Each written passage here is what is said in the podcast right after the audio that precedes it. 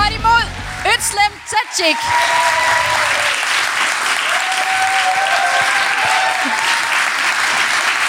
Hej.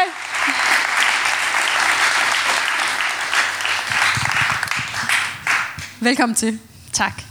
Vi øh, nu øh, klappede publikum så højt, at, øh, at jeg ved ikke, om det blev tydeligt, hvordan jeg sagde dit navn, men jeg tror faktisk, jeg sagde det rigtigt. Gjorde jeg ikke? Jeg ved det ikke. Jeg holdt op med at lytte, fordi folk siger det aldrig rigtigt. Nej. Jeg, men jeg synes, vi skal tage den i slow motion. Og så skal jeg så... Så det er Øtslem Tadjik. Altså, det er kun, du er ret god til at sige det forkert. Det er Lans. Det er, hvis det er helt rigtigt, hvis vi tager den tyrkiske måde, så er det Özlem Cekic. Hvis det er den danske måde, så er det Özlem Sekik. Og hvis det er sådan, jeg kan rigtig godt lide det, og vil så gerne sige det på den rigtige måde, så er det... Så er det det, som jeg lige sagde. Du Ja. sagde. Ja. Men der, vi, vi stod nemlig lige og talte om det, fordi det betyder rigtig meget for mig at sige folks navn rigtigt. Øh, men jeg er, jeg er ikke særlig god til sprog. Og så for, men du lever af at tale. Jamen, det er jeg heller ikke sådan specielt god til. Altså, helt seriøst. Jamen, det er jeg ikke. Jeg er virkelig... Jeg har faktisk jeg har lige lagt en, en fem minutters øh, øh, bit op på min Facebook, hvor jeg siger en i stedet for et hver eneste gang.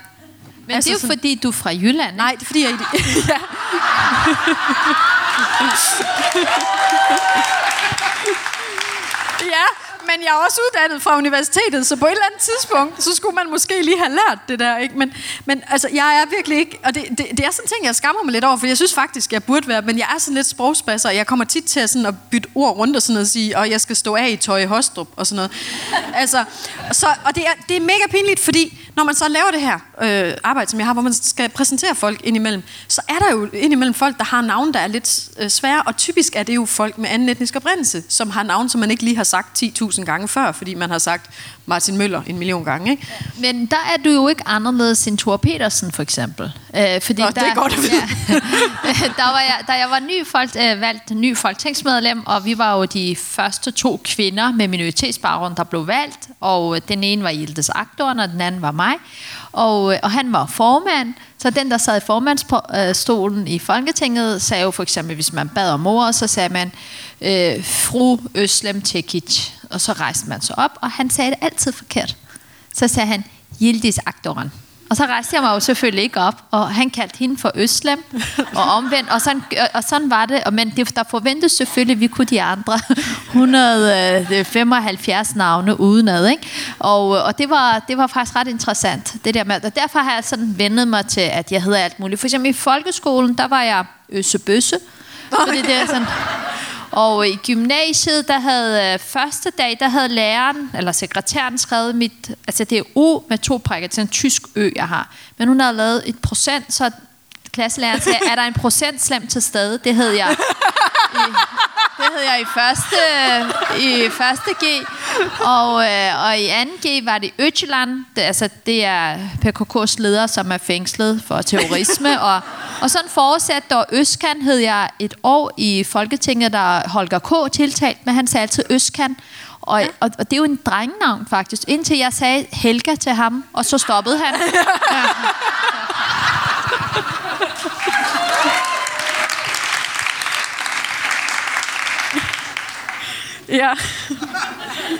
Og det, og, det er jo, og det er jo fantastisk, du tager det sådan, ikke? Fordi jeg, jeg er selv fucking navne, jeg er idiot til andres navn, men når folk de siger, når jeg siger, hej, jeg hedder Sanne Søndergaard, de siger, nå, Susanne, så bliver jeg altid sådan, nej, suget er ikke fucking stumt. Altså. så så jeg, jeg ved, det betyder meget, men det var bare lige for at starte med at få etableret, det er mig, der er idiot til, øh, til Øslems navn. Men som i, altid i de her sande salonger. Jeg skal lige sige til helt nye øh, lyttere, øh, at øh, Sande Salon er et, øh, for det første, åndssvagt navn, øh, som lyder som sådan en frisørsalon. Øh, men det er lidt tænkt som sådan et, øh, et intelligent damebladsinterview. Og det er ikke for at, at, at svine damebladet til, jo det er, men det er fordi...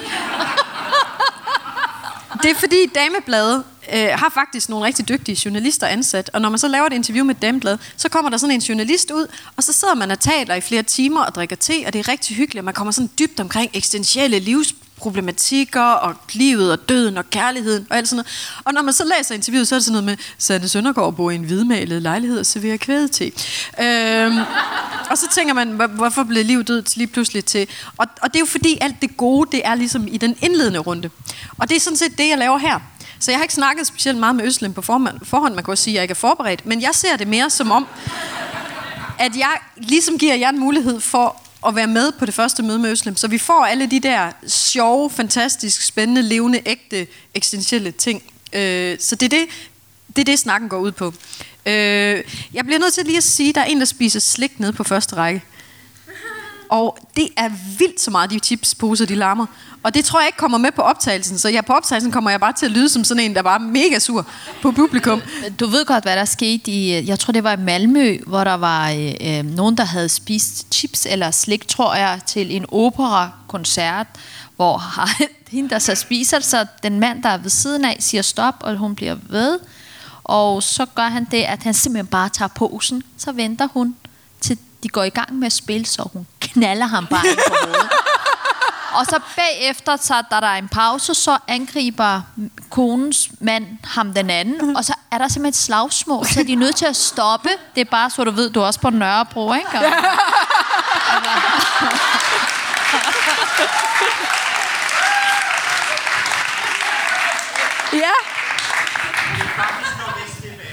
Ja. men det, han sagde, det er nordvest, det er Nej, men det er det ikke. Fordi her er der ikke nogen, der tæver nogen. Det er sådan noget, man gør ind i operan. Ja. Åbenbart. øhm, men øh, i de her salonger, jeg starter altid lige med at præsentere gæsten. Nu er vi jo faktisk allerede i gang, øh, kan man sige. Ikke? Men, men Øtslem, øh, du brobygger som jo er en fantastisk titel, øh, som man kan bruge i flere øh, situationer, både hvis man rent faktisk bygger fysiske broer, og i dit tilfælde bygger broer mellem mennesker. Tidligere folketingsmedlem, det har vi allerede øh, fået etableret for SF. Øh, jeg er ikke medlem længere. Du er ikke medlem nej. af SF, nej. Der var noget uoverensstemmelse med nogle udledsagede flygtningebørn. Ja, det, ja, det er rigtigt. Ja. ja. Øh, som jeg jo også, altså hvis jeg må starte med at sige, er noget, jeg rigtig godt kan lide ved Østlem, fordi at øh, det er sådan en vi har ikke rigtig det udtryk på dansk, men det der med put your money where your mouth is, hvad, hvad hedder det på dansk? Stemme med benene, hedder det vel egentlig. Uh, ayaklarınla oy ver på tyrkisk. Altså, Så fik vi det lige.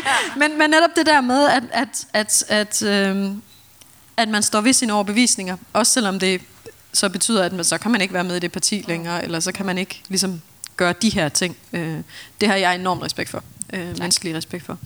Oprindeligt uddannet sygeplejerske. Det vidste ja. jeg faktisk ikke. Jeg har lige øh, Wikipedia der, bare for lige at, ja. øh, at vide lidt. Øh, og så er du øh, forfatter til seks børnebøger. Ja. Ja. Som hedder øh, Aishas jul og Aishas ramadan. Aishas kæreste, og den, der er mest kendt, det er, det er Aishas lillebrors tissemand. Nå, det er den. Ja. ja. Men det skal, vi, det skal vi ikke snakke det skal om. Vi jeg har snakket nok om ja. så der bliver klippet over, ja. Ja. Øh, ej, den gider vi slet ikke. Øh, selvom jeg vil sige personligt, vil jeg foretrække, at der var flere peniser, der blev klippet i. Men det er sådan en helt anden helt anden snak. Øhm, du har skrevet senest, øh, din seneste bog, den hedder øh, Hvorfor hader han dig, mor? Ja. Som netop handler om dit arbejde med øh, dialogkaffe, som vi kommer til at snakke om, dit arbejde som brobygger. Og lige her øh, for nyligt var du i New York og lavede en TED-talk om øh, dialogkaffe. Ja. ja. Og jeg var lige inde og tjekke, den er, den er lige set af lige knap en million øh, på nuværende tidspunkt. Så det er rimelig godt gået. Tak. Er du ikke stolt? Jo, jeg er rigtig stolt. Også taget i betragtning af, at øh, jeg ikke var særlig god til engelsk. Jeg, jeg har lært det de sidste tre år, og jeg, da de inviterede mig, der, øh, de ringede og skrev mange gange. Øh, og sidst øh, de så mailede, der var jeg på hospitalet. Jeg var indlagt på Amager Hospital, fordi jeg har astma, så det var en rigtig, rigtig hård forår for mig. Øh, og jeg sagde til min mand, der er nogen, der bliver ved med at ringe og skrive, og det er noget med en TED-konference. Så sagde min mand til idékonference, og så viste det sig, at det var tæt. Altså jeg vidste faktisk ikke, hvad tæt var før. Nej. Jeg ligesom de inviterede mig. Og det, så på den måde var det ret sjovt. Det er først, altså jeg begyndte at blive mere og mere nervøs, fordi alle sagde, tæt. Og så gik det op for mig, åh, det her, det er... Jeg vil bare sige, du har altså et helt fantastisk, fantastisk publikum. Ja. altså det er, det vil jeg bare, det er, Jeg, jeg, var i, øh, jeg var i Nordjylland og, og holdt foredrag. Det er jo ikke for at sammenligne. Jeg kom hjem, og, så, og jeg holdt et foredrag, som en, en af dem, jeg altid plejer at holde. Det er den, der hedder Fra Føtex til Folketinget. Jeg overvejer at lave nummer to, der hedder Fra Folketinget tilbage til Føtex. og, øh, og jeg synes, jeg synes selv, jeg er humoristisk. Jeg har fyret de der jokes, og jeg gjorde alt, og tre gange sagde de, og jeg tænkte, hvad er der galt? Jeg kom hjem og sagde til min mand, der var et eller andet, der var helt vildt galt. Tre gange, det er dem. Tre gange sagde de. Hm, hm. Så sagde min mand, åh, du har været god.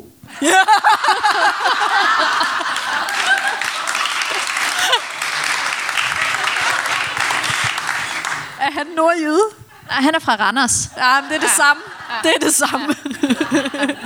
ja. Hvor sjovt.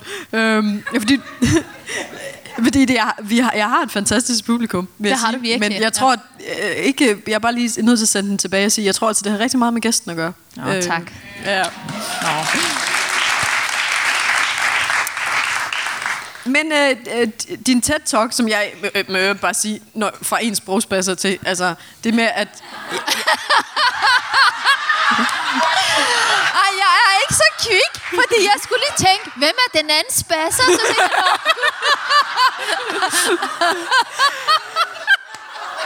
Nej, men jeg, jeg har optrådt et par gange på engelsk, ikke? og det er jo det er et, et sprog, jeg har lært øh, for mere end tre år siden. Øh, og jeg øh, synes, jeg burde kunne... Altså, det er sindssygt skræmmende at skulle optræde på sit andet sprog, og for dit vedkommende, dit tredje sprog. Og det, hvis, ja. hvis du først lige har lært engelsk, så synes jeg... altså, bare det at sige ja til det. Altså, det er... Det altså, jeg ved, de fleste mennesker synes, det at tale foran andre er mega skræmmende i sig selv. Mm. Ikke? Og så gør det på sit første sprog, men så op og gør det på sit andet tredje sprog. Ikke? Men jeg tror, det, det sværeste er jo faktisk, det er gået op for mig, at det er sværere at tale engelsk i et ikke engelsktalende land. For det, alle har sådan en holdning til, hvordan man skal tale engelsk. Men hvis det er et engelsktalende land, så er folk lidt ligeglade, fordi alle taler med mange forskellige mm. aksanger. Og det er ligesom det, der gik op for mig, at det er lettere, hvis det er USA eller i New York. Okay, det er det samme sted. Okay, nu forstår, nu forstår jeg det med spasseren. Øh, eller om det er i London. Altså, og der går det ligesom op for mig, okay, det, det er lettere, hvis du lige kommer ud af Danmark. Men en lang periode herhjemme, altså i hele folkeskolen. Jeg lærte jo engelsk, da jeg ikke kunne dansk. Så jeg kom fra modtagerklassen direkte i en almindelig klasse, og der læreren sagde, at boy ikke viste billede af en dreng, så vidste jeg ikke, det betød en dreng. Så hele folkeskolen, jeg sagde ikke et ord på engelsk. Forestil dig, hvor svært det var for sådan en som mig, der elsker at tale. og i gymnasiet, øh, øh, jeg sagde ingenting, og øh, til selve, øh, til selve eksamen, nu kommer der en indrømmelse, jeg faktisk ikke har sagt det til nogen før. Uh. Og det er uh. fordi, du viste mig dine strømper, så jeg føler, vi har sådan en anden, vi har sådan en anden connection nu, ikke? Jeg, jeg, jeg, øh, det skal jeg er nødt til at sige til folk på podcasten, at det er fordi, jeg viste, at jeg har et par strømmebukser på, hvor skridtdelen sidder ned omkring knæene. Ja. Så, så jeg har ikke bare vist hende sådan et par julesokker eller Nej. noget. ja, det er derfor, jeg føler, der er en connection nu. Ja. Og, øh, og, og så tog jeg sådan nogle små... Øh, det, det altså det her kan give mig problemer, så siger jeg, det var dig, der ja, ja, sagde, det, jeg, jeg har, jeg har jeg tog sådan nogle små øh, ordbøger med mm-hmm. til eksamen. Det måtte man ikke. Som i du snød? Altså, det ved jeg ikke, om det hed på dansk. øh, så. så det... Så det endte med, Øh, og jeg gik ind, og jeg fortalte, at jeg fik fem. Altså, jeg dumpede. Jeg tror, det var kun fordi, de var søde i forhold til, at de ikke skulle trække mit snit for meget ned, at de gav mig fem. Og hele øh, min tid i Folketinget, jeg sagde bare nej til at være med til udvalgsrejser, fordi jeg tænkte, så vil folk opdage, at jeg kunne engelsk. Og så tog jeg faktisk med til den første, det var i Norge, det kunne jeg lige sådan finde ud af, der kunne jeg være med. Og, øh, og, og så var jeg i USA, og så var der en, der sagde, det er utroligt så anderledes du er, når du er i udlandet der lytter du meget mere, end du taler og jeg sagde, ja. Så, øh, og først da jeg så stoppede fra Christiansborg, så tænkte jeg, at jeg må, jeg må gøre noget. Og så gik jeg i gang med at lære engelsk. Ja. Ja. det, og igen er det jo også, det er jo også bare min, det er sjovt, sådan en, det er lidt sådan en, sådan lidt en ordblinde tilgang, ikke? Det der med, der er jo også mange ordblinde, der har klaret sig igennem skolen ved bare at lære ting udenad, og sådan noget sådan, ah, jeg læser op, og så, som jo i virkeligheden er mere sejt. Marianne Hjelved er jo ordblind. Nå, det Hun er også blevet minister og alt muligt. Det har, du- har du aldrig hørt, at når hun skal præsentere sin bog, så siger hun, du skal læse om min forfærdelige barndom, hvor jeg ikke kunne læse ting. hun er så skøn. Jo, jo, hun, var også, øh, hun har været ordblind. Også øh, vores øh, nye skatteminister øh, er også ordblind. Ja. Øh, så, så, så det er... Hvad? Han er Tal- talblind. talblind. Ja, Publikum byder ind med jokes. Vores skatteminister er talblind. Ja. ja. Og, og, og, og, så kommer, øh, ja, udover jeg, jeg har faktisk, hvem, er det ikke Christian Jensen, der er det? Øh, Nej, det er, de ligner hinanden. Øh, det- er, jeg tror det er, han hedder noget med Lauritsen. Kan det passe til? Carsten Lauritsen. Carsten Lauritsen, Okay. ja. Yes. Og øh, Christian Jensen øh, er, udover øh, har været deltager i Vilma Dans, også finansminister. Ja. ja. Det kræver, altså, det kræver en evne i forhold til hofter og sådan noget, også at lave en finansaftale, ikke? Jeg sidder lige, li- kan vi lige, øh, er der ikke sådan en mærkelig rungende lyd? Kan I høre den nede i teknikken? Du ved, jeg har været psykiatrisk sygeplejerske, Ja. så... så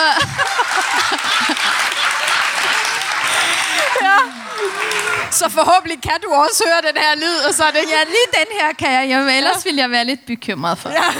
ja. Det er bare fordi, jeg bliver bekymret for optagelsen, men nu bliver jeg da også bekymret for min mentale velbefindende. øhm, så jeg vil lige... Er det, noget, er det noget, du ved, hvad er, det her? Det, det er ikke noget, vi skal tage hensyn til på optagelsen. Nej. Så end, endnu en gang, så kan jeg bare sige til lytterne af den her optagelse, at vi har folk, der spiser chips og rungende lyd i studiet, men intet af det kommer med i selve podcasten. Så jeg skal ja. bare sige byt, siger publikum. Godt. Vi abstraherer for det. Øh, vi lader som om det er inde i mit hoved, faktisk. Ja. men, øh, men Øslem, øh, jeg vil jo egentlig gerne vide, fordi øh, det her brobygger er jo noget, du selv har skabt. Det er jo, øh, altså du kom ud af Folketinget, og så, eller vil du egentlig ikke lige fortælle det, det ganske kort, det der dialogkaffe? Altså det du egentlig vil hvis I ikke har set TED-talken, så får I lige den korte version. ja. Meget kort version. Det er folk, der sender mig hademails. Dem spørger jeg, om jeg må komme til dialogkaffe hos. Så tager jeg hjem til folk. Jeg tager noget mad med, for det er der, hvor der er mad, er der fred. Og der sker noget med folk, når vi spiser sammen, inklusive mig selv. Altså, det er sådan lidt hyggeligt, og, og folk er altid ekstremt venlige faktisk, når man tager hjem til dem. Der sker noget med os, når vi er værter, altså når vi åbner døren, og jeg siger tusind tak. Og de er jo ret modige mennesker, fordi så modig er jeg slet ikke. Altså, jeg har jo ikke inviteret dem hjem til mig selv endnu. Så de er ret modige. Så åbner de døren, og jeg tager hjem til dem, og vi samtaler, og samtalen fortsætter flere år. Det er sådan, det er meget sådan ultrakort dialogkaffe, hvad det handler om. Ja, og det er altså folk, der har sendt dig virkelig ondskabsfulde, nedladende... Altså, Ja, altså hademails, ikke? Det, der er sådan flere kategorier. Der er den lette version. Øh, det er øh, altså folk, der på en eller anden måde synes, det er fedt at sende billede af sig selv, når de er nøgne. Bestemte organ. Altså, ved I, at det må man slet ikke? Det vidste jeg slet ikke. Jeg har, jeg har hørt, at der er faktisk en strafferamme på det. Du må ikke sende dit lem til andre. Det vidste jeg ikke. ej, det må... Altså ikke fordi jeg gør det, men altså, jeg, jeg har bare ikke... men jeg har, det vidste jeg bare ikke, at, at Nej. det måtte man ikke. Når, Nej, det bliver færdighedskrænkelse. Det, Jamen, jeg har faktisk sendt det til politiet. De gjorde ikke noget ud af det. Nej. Så derfor, det, fordi sådan, i to gange om året samler jeg mine hademails og trusler og giver det til politiet som nærmest som julegave. Og, øh, og, og, der, og der afviste de den. Og det, øh, og jeg har lige fået at vide af ligestillingsministeren, at det kan man ikke. Altså, det må man ikke, så det vidste jeg ikke. Der er den del. Og så er der de andre, der altså bare er irriteret over, at jeg er kvinde. Altså, du ved, det der, som du også får, luder og bitch og Øh, og dem får jeg faktisk på en eller anden mærkelig måde rigtig få af. Altså ikke fordi jeg klager. Dem, dem jeg, det, det lød meget, meget underligt. Og, øh, og så har jeg den der store gruppe. Øh, nå, så er der jo selvfølgelig også Erdogan, Erdogan-tilhængerne. Altså øh, præsident Tyrkiet, præsidenten i Tyrkiet, som jeg har været kritisk over for, og han har jo også nogle følger her, og de er så kritisk over for mig. Øh, det på en eller anden måde er det sådan tit sådan 50 plus mænd, der gerne vil voldtage mig. Og jeg ved ikke, hvor, hvordan sådan kobling er i forhold til, at jeg kritiserer Erdogan. Og, øh, og, øh, og så, er der, så er der den store gruppe, kæmpe store gruppe, der mener, jeg er terrorist, jeg er en rotte, jeg er muslim, jeg er nasser, jeg, min familie er nasser, og så kører det derudad. Øh, og det er nok den største gruppe, øh, der sender. Ja. Og derfor er sagens natur er det også dem, jeg mest besøger. Fordi de er ligesom i overvægt. Så det Øslem simpelthen gør, det er, at der er nogen, der skriver til hende, at hun er rotte, og så siger hun, giver du ikke kaffe?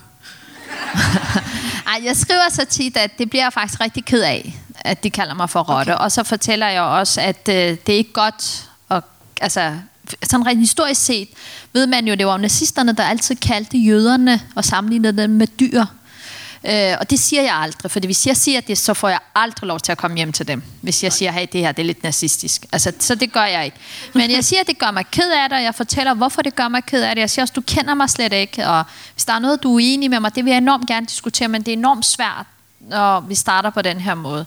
Så jeg snakker ekstra pænt, ekstra ordentligt, og så sker der faktisk det, at det gør folk også.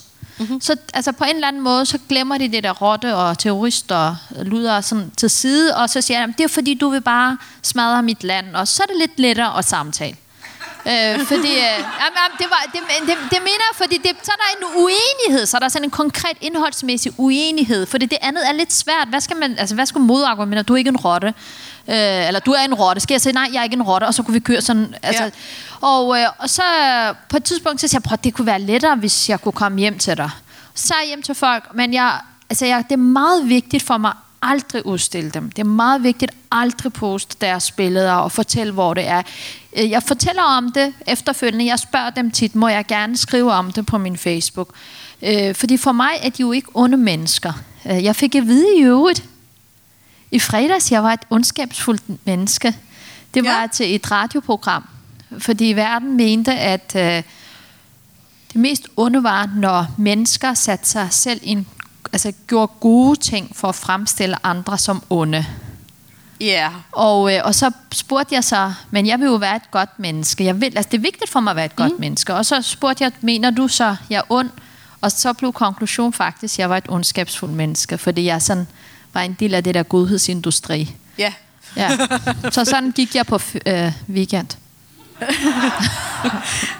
Har du sendt ham en mail, hvor du skriver, at du er lidt ked af, at. Nej, vi skal... det har jeg ikke, fordi vi har aftalt, at vi skal drikke kaffe sammen. Fordi jeg vil, jeg vil så gerne forstå, fordi der er en logik i tankegangen.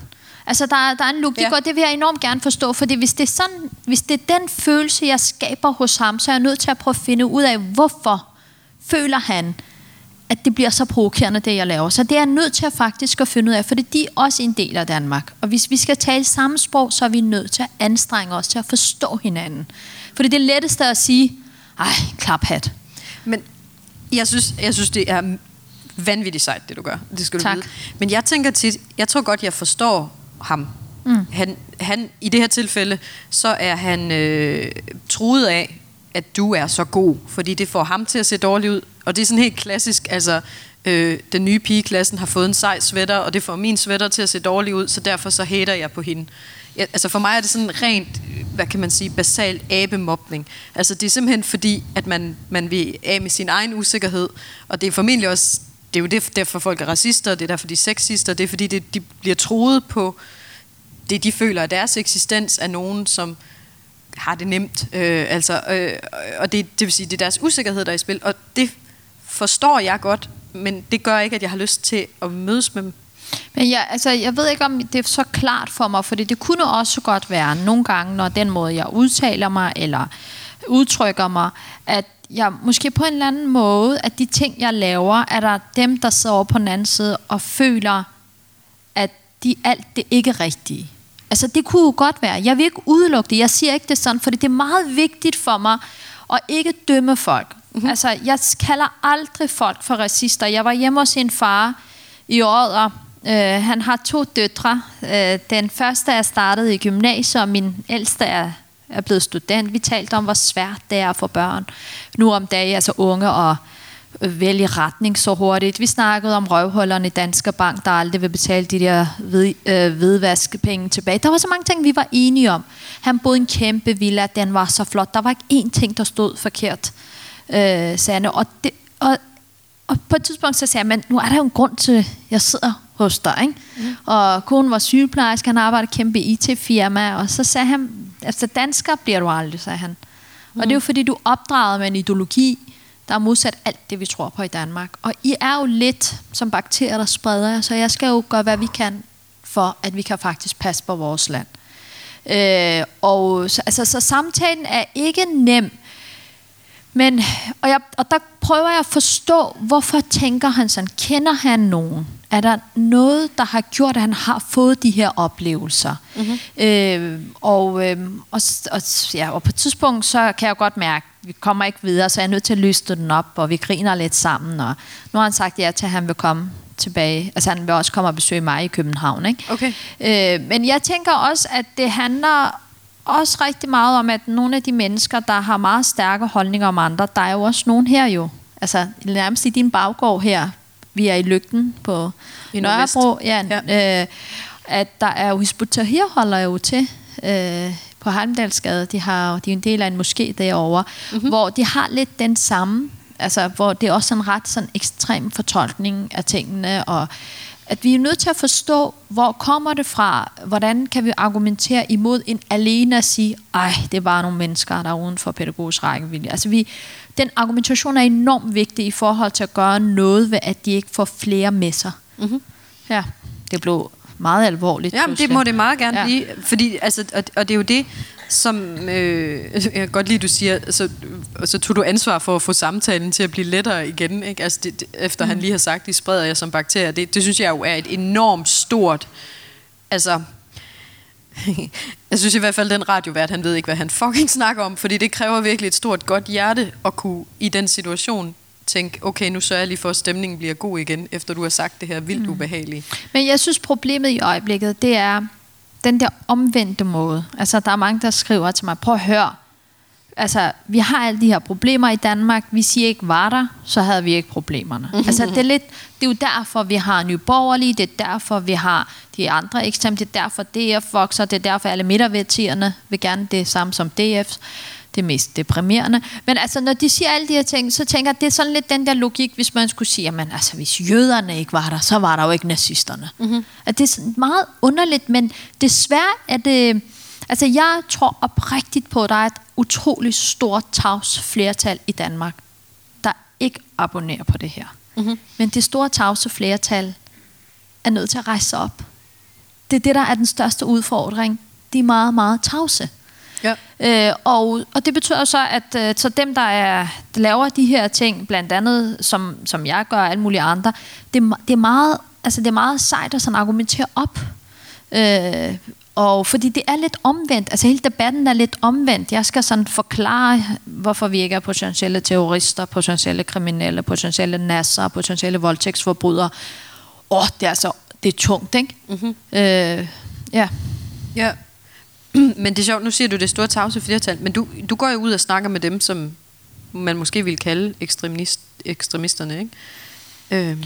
Ja, og, og samtidig så, altså der er jo også nogle af de her holdninger, som, øh, altså Hitler, var, Hitler sagde, at hvis du skal lyve, så skal du sørge for, at det er et mega løgn. Fordi mm. så vil folk alligevel tænke, ah, et eller andet må der være i det. Ja. Og, øh, og forleden, der blev jeg ringet op af nogle øh, unge, øh, som var, laver, skriver opgaver. Dem er der rigtig mange, der gør i øjeblikket. Ja. Og, øh, og de, fik rigt, de var ved at skrive en opgave om, at muslimske kvinder var undertrykt i islam.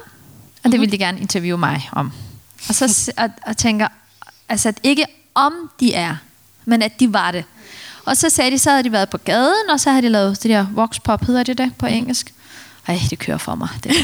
og, øh, og så sagde de så, at øh, de havde spurgt, og lidt over 80 procent havde sagt, ja, muslimske kvinder er undertrykt. Mm-hmm. Altså, så, så på en eller anden måde er der jo nogle holdninger, der også bliver mainstream.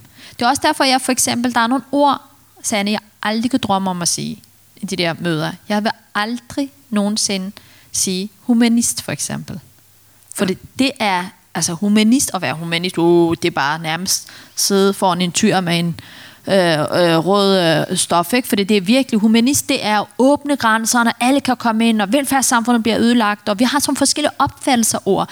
Jeg kunne aldrig drømme om at sige ordet islam, mm. fordi det er også enormt, enormt negativt i øjeblikket. Der er ikke Ja. noget sådan positivt forbundet med det.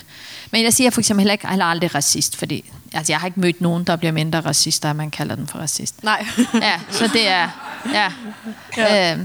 Øh, så, så det, nogle af de der ting bliver også, altså man rykker også grænserne for, hvad der er tilladt at sige. Det er jo, det er jo også derfor, for eksempel, når Henrik Sass går ud fra Socialdemokraternes gruppeformand og siger, at det mest skadelige, det er menneskerettighedsdomstolen. ja. Og så bagefter siger, at det var den ene svane. Svane hedder det ikke? Det er sådan Svale. Den svale. Det er en anden slags fugl. Svanen, det er den store hvide svale. Det er sådan en lille sort, elegant en. Okay. Det er alle de der danske udtryk, altså, som er enormt svært. øh, og når han siger det, så tænker man, ah, come on, den er der totalt klappet af. Altså fra ledelsen, det er der altså en prøveballon, han skal ud, og så kan man rykke grænserne, for det er den, der sagde, der, for eksempel, jeg har aldrig forestillet mig, mine kurdiske brødre, at man i Danmark vil kalde menneskerettighed for parasitter. Det er Morten Messerschmidt, der gjorde det. Ikke? Mm. Så, at, at, så der er nogle grænser, der rykker sig. Altså man glemmer lidt den historiske viden. Altså er der rigtig mange, der glemmer, at man lavede menneskerettighederne og de her institutioner efter nazitiden. Ja. Man glemmer, at der var en helt særlig grund til, at man skulle beskytte det enkelte menneske. Og, og så der er, en, der, er en, der er en grund til, at vi taler bedre sammen. Der er en grund til, at vi bliver nødt til at insistere på, at så mange som muligt skal være en del af det demokratiske fællesskab. Men det gør vi altså med samtale. Vi kan ikke, altså vi kan jo ikke tvinge folk til at være demokrater. Vi er nødt til, vi er nødt til at argumentere for vores sag. Ja. Men øh, altså, øh, de her folk, du har talt med, du, øh, i din TED-talk taler du blandt andet om Ingolf, som ligesom var Ja. den, den første, du Ja. var ude at, at drikke kaffe med. Hvordan er din relation til ham så i dag? Jamen, jeg taler stadigvæk med, med Ingolf, og øh, øh, altså, der er nogle grøfter, men der er også nogle broer. Øh, Ingolfs kone er død. Nå. Øh, så der er også, han har en smerte, som jeg godt kan sidde og dele. Og det er også, altså vi glemmer også nogle gange, vi er også mennesker. Vi er alle sammen med mennesker. Vi er jo ikke kun vores holdninger. Øh, jeg besøgte en, der hed Kim. Øh, Kim, han går ind for dødstraf, og øh, han ved også, hvordan han kan komme af med de her muslimer, fordi han ved, hvor de hænger ud fredag eftermiddag. øh, for det, efter bønnen, ikke?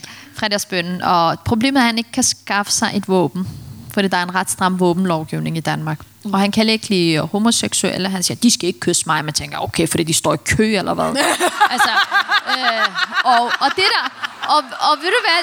Altså, det der er så interessant med alle de her mennesker, som hader danskerne, hader muslimerne, hader jøderne, hader demokratiet, de har, de har én gruppe, de hader til sammen. Bøsser. Det er homoseksuelle. Ja. Det er helt sindssygt.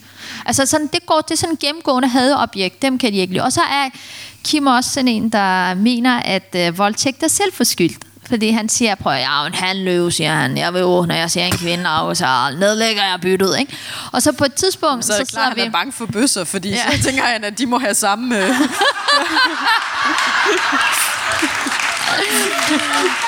Og så, og så sidder vi, og så på et tidspunkt, så siger han, Øslam, hvis du sad nøgen, og jeg sad nøgen, tror du, der kunne ske noget imellem os to? Og vi er i hans lille bitte kolonihavehus, og så får jeg øje på, øh, han har sådan et lille bitte væg ved hans øh, køkkenvask, så kan jeg se, der hænger knive. Så tæller jeg dem. 1, 2, 3, 5, 7, 10, 11, 12, 13. Der er langt flere. Så kan jeg godt mærke, at jeg bliver sådan lidt nervøs, og jeg har som sagt arbejdet i psykiatrien, og det kan de mærke alligevel, så man kan lige så godt bare sige det højt. Mm-hmm. Så siger øh, Kim, jeg bliver sgu lidt nervøs, altså har jeg grund til at være det?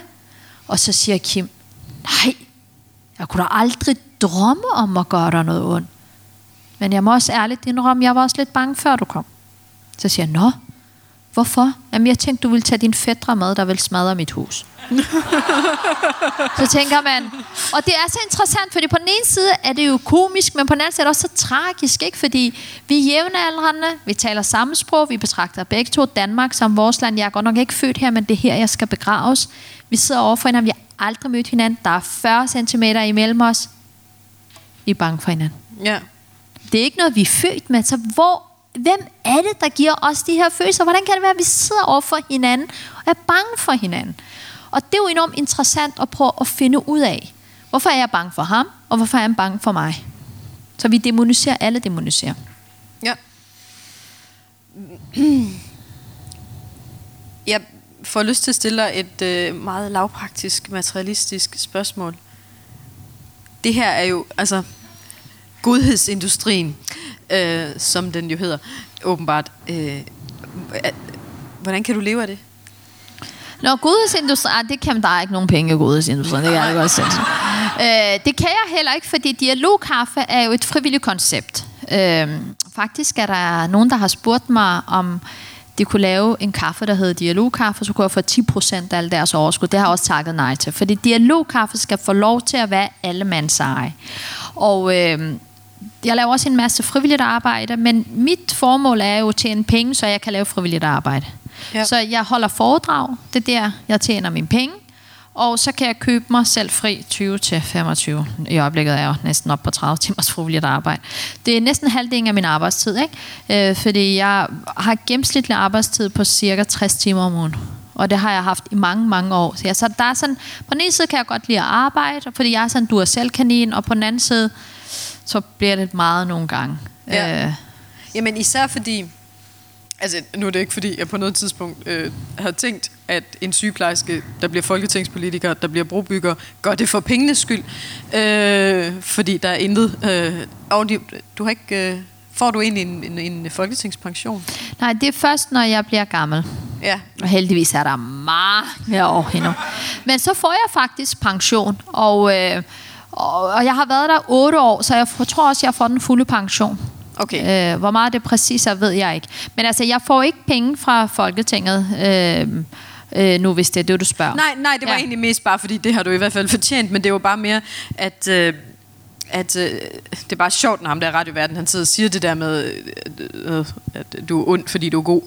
Øh, der, der, min hjerne begynder sådan en lille smule at smuldre, når logikken, jeg kan ikke helt følge med der længere. Altså, men, men det er jo det der med, du siger, at du køber dig selv fri. Du arbejder rigtig meget for at få mulighed for at lave det her. Så det er jo helt tydeligt, hvad dit, altså normalt i de her salonger, der spørger jeg ligesom, hvad er det, der driver dig?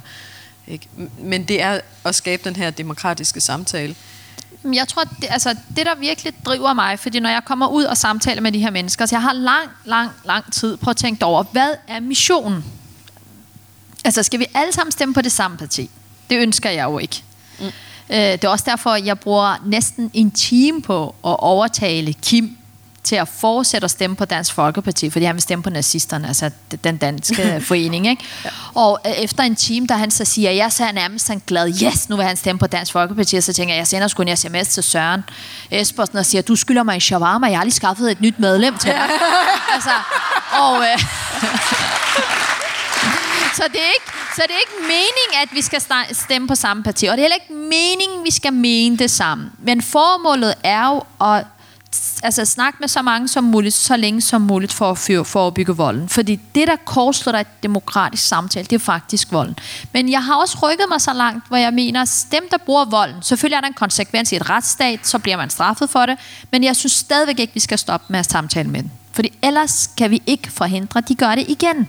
Så for, altså det, der driver mig, er jo virkelig, det lyder simpelthen sådan for meget sygeplejersker, men det er faktisk kærligheden til demokratiet. Mm-hmm. Altså at bo i et land, der er så mange ting, vi tager for givet. Altså, øh, jeg kigger på dig, så tænker jeg, gud, sikke en smuk kvinde, og du har en kort, altså du har bare øh, en, en kjole på, hvor man kan se dine arme. Du har en, din kjole er ikke særlig, man kan se dine ben. Og, og det er jo ikke, buks hænger ja, ned ja, til knæene. Ja. ja. Og, og du, du står her øh, øh, på Nørrebro, der er masser af mennesker, der er kommet, men vi er interesserede at høre, altså, hvad du siger. Det er jo ikke sådan, at du bliver antastet med, at vi tænker, hey, du skal ikke gå med det her, eller du har retten til egen krop, og, og vi kan gå ned og stemme. Altså, stemme. Valg, valgdagen er jo sådan en festdag i Danmark. Der er så mange ting, vi tager for givet. Og derfor er jeg også bekymret for, at det tager så store flertal, der glemmer, at de her ting er ikke en selvfølge. Vi bliver nødt til at kæmpe for dem. Ja. Ja.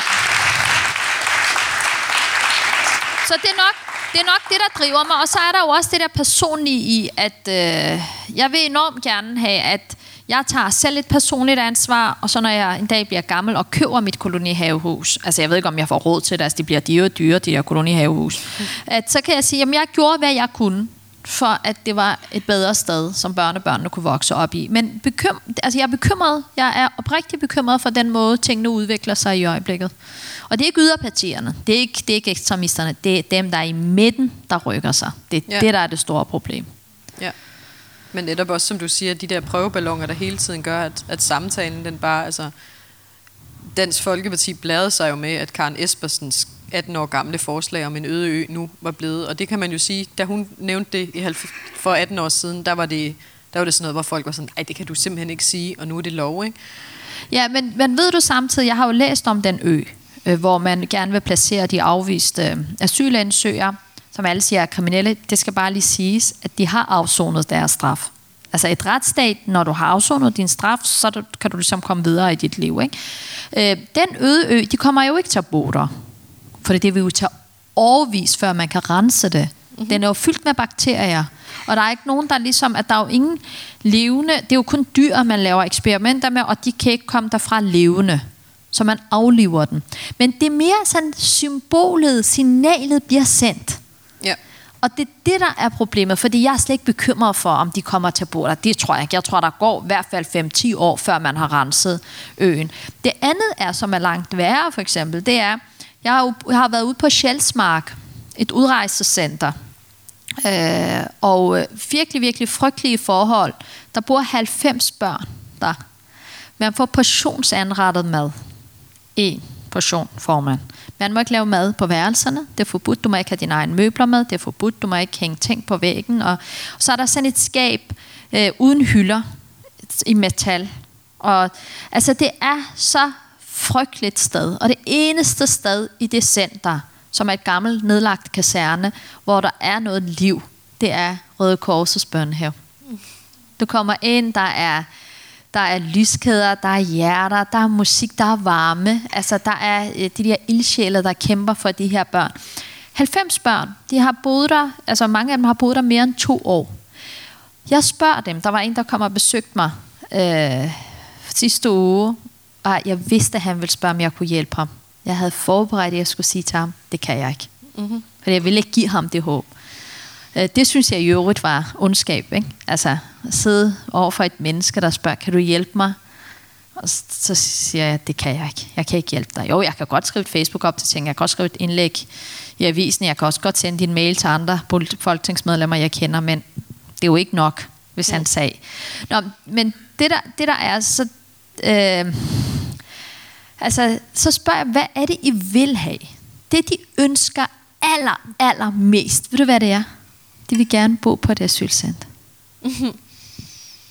Fordi det er et udrejsecenter, det her. Almindelige asylcenter, de står tomme. Mm. Fordi der, ikke er fly- der kommer jo slet ikke så mange flygtninge. Så de vil, han vil gerne bo i Jelling. Ja. Jeg vil gerne tilbage til Jelling og bo i vores hjem. Hjem er asylcenter. Så det er ikke engang, fordi de ønsker alverden. Hvor jeg tænker, Gud, hvorfor kan vi ikke behandle mennesker som mennesker? Og det, er, det synes jeg er, altså jeg synes det er svært den fredag at komme hjem, hvor børnene tæller, hvor mange ting de har på deres fredagsbord. Mm. Øh, jeg læste i øvrigt, der var to forfattere, der havde været ude, øh, hvor en mor havde, altså, havde smuglet en kogeplade ind på værelset og poppet nogle popcorn. Så var de kommet ind fire mennesker, taget kogepladen og de poppede popcorn. altså, åh, det er ikke til at bære. Ja. Men det er jo netop, når du arbejder med de her ting, og altså får knust dit hjerte ved at se de her ting, hvordan kan du så stadigvæk have, altså, det er bare et eller andet sted, det der med så stadigvæk at kunne sige, jamen jeg vil også stadigvæk have samtalen med dem, der faktisk er medskyldige i, at det her det sker. Altså, hvordan kan du holde til det personligt? Øh, altså, jeg, altså, jeg synes jo, at samtale er hårdt, ikke? Men, men heldigvis er der jo også, altså, de mennesker, jeg mødes med, vi griner jo også sammen. Altså, Kim ringede jo lige så snart, det jeg lavede, min mor fik brystkræft i foråret, fik fjernet sin bryst, og var igennem kemoterapi, strålebehandling, og det hele var virkelig, virkelig svært. Og jeg lavede en opdatering, fordi de der altså velfærdens rigtige helte, ikke? Dem, der kommer på arbejde alligevel for ikke en skid løn. Så takkede jeg dem. Sygeplejerskerne, portørerne, lægerne, alle dem her. Der gik 20 sekunder, så ringede min telefon. Det var Kim. Nå. Så sagde han, Øslem, jeg har lige set din op til. Det er jeg sgu frygtelig ked af. Du siger bare til, hvis du mangler cannabisolie, ikke? altså, og det, og det er simpelthen så... Altså, på en eller anden måde er det jo... Fordi der er jo nogle broer imellem os. Ja. Øh, der er noget, der bliver bygget, og der er også nogle grøfter, men, men han er også et menneske. Altså, man skal virkelig huske, folk er mere end sine holdninger. Og man skal tage afstand fra holdning, men aldrig øh, mennesket øh, bag de holdninger. Og derfor så tror jeg, hvis vi skal skabe noget, altså hvis vi skal skabe et stærkt demokrati, så er vi nødt til at have alle med. Altså det nytter ikke noget, det bliver kun altså, demokrati for de frelste. Og det gør det ikke. Nej. Det var, øh, synes jeg egentlig en utrolig fint sted at slutte, men jeg er jo nødt til, fordi det er det intelligente damebladets interview, at stille et kliché damebladets spørgsmål, og det slutter jeg jo altid på. Øh, Hvad er dit bedste skønhedstip? Ja, mit bedste skønhedstip.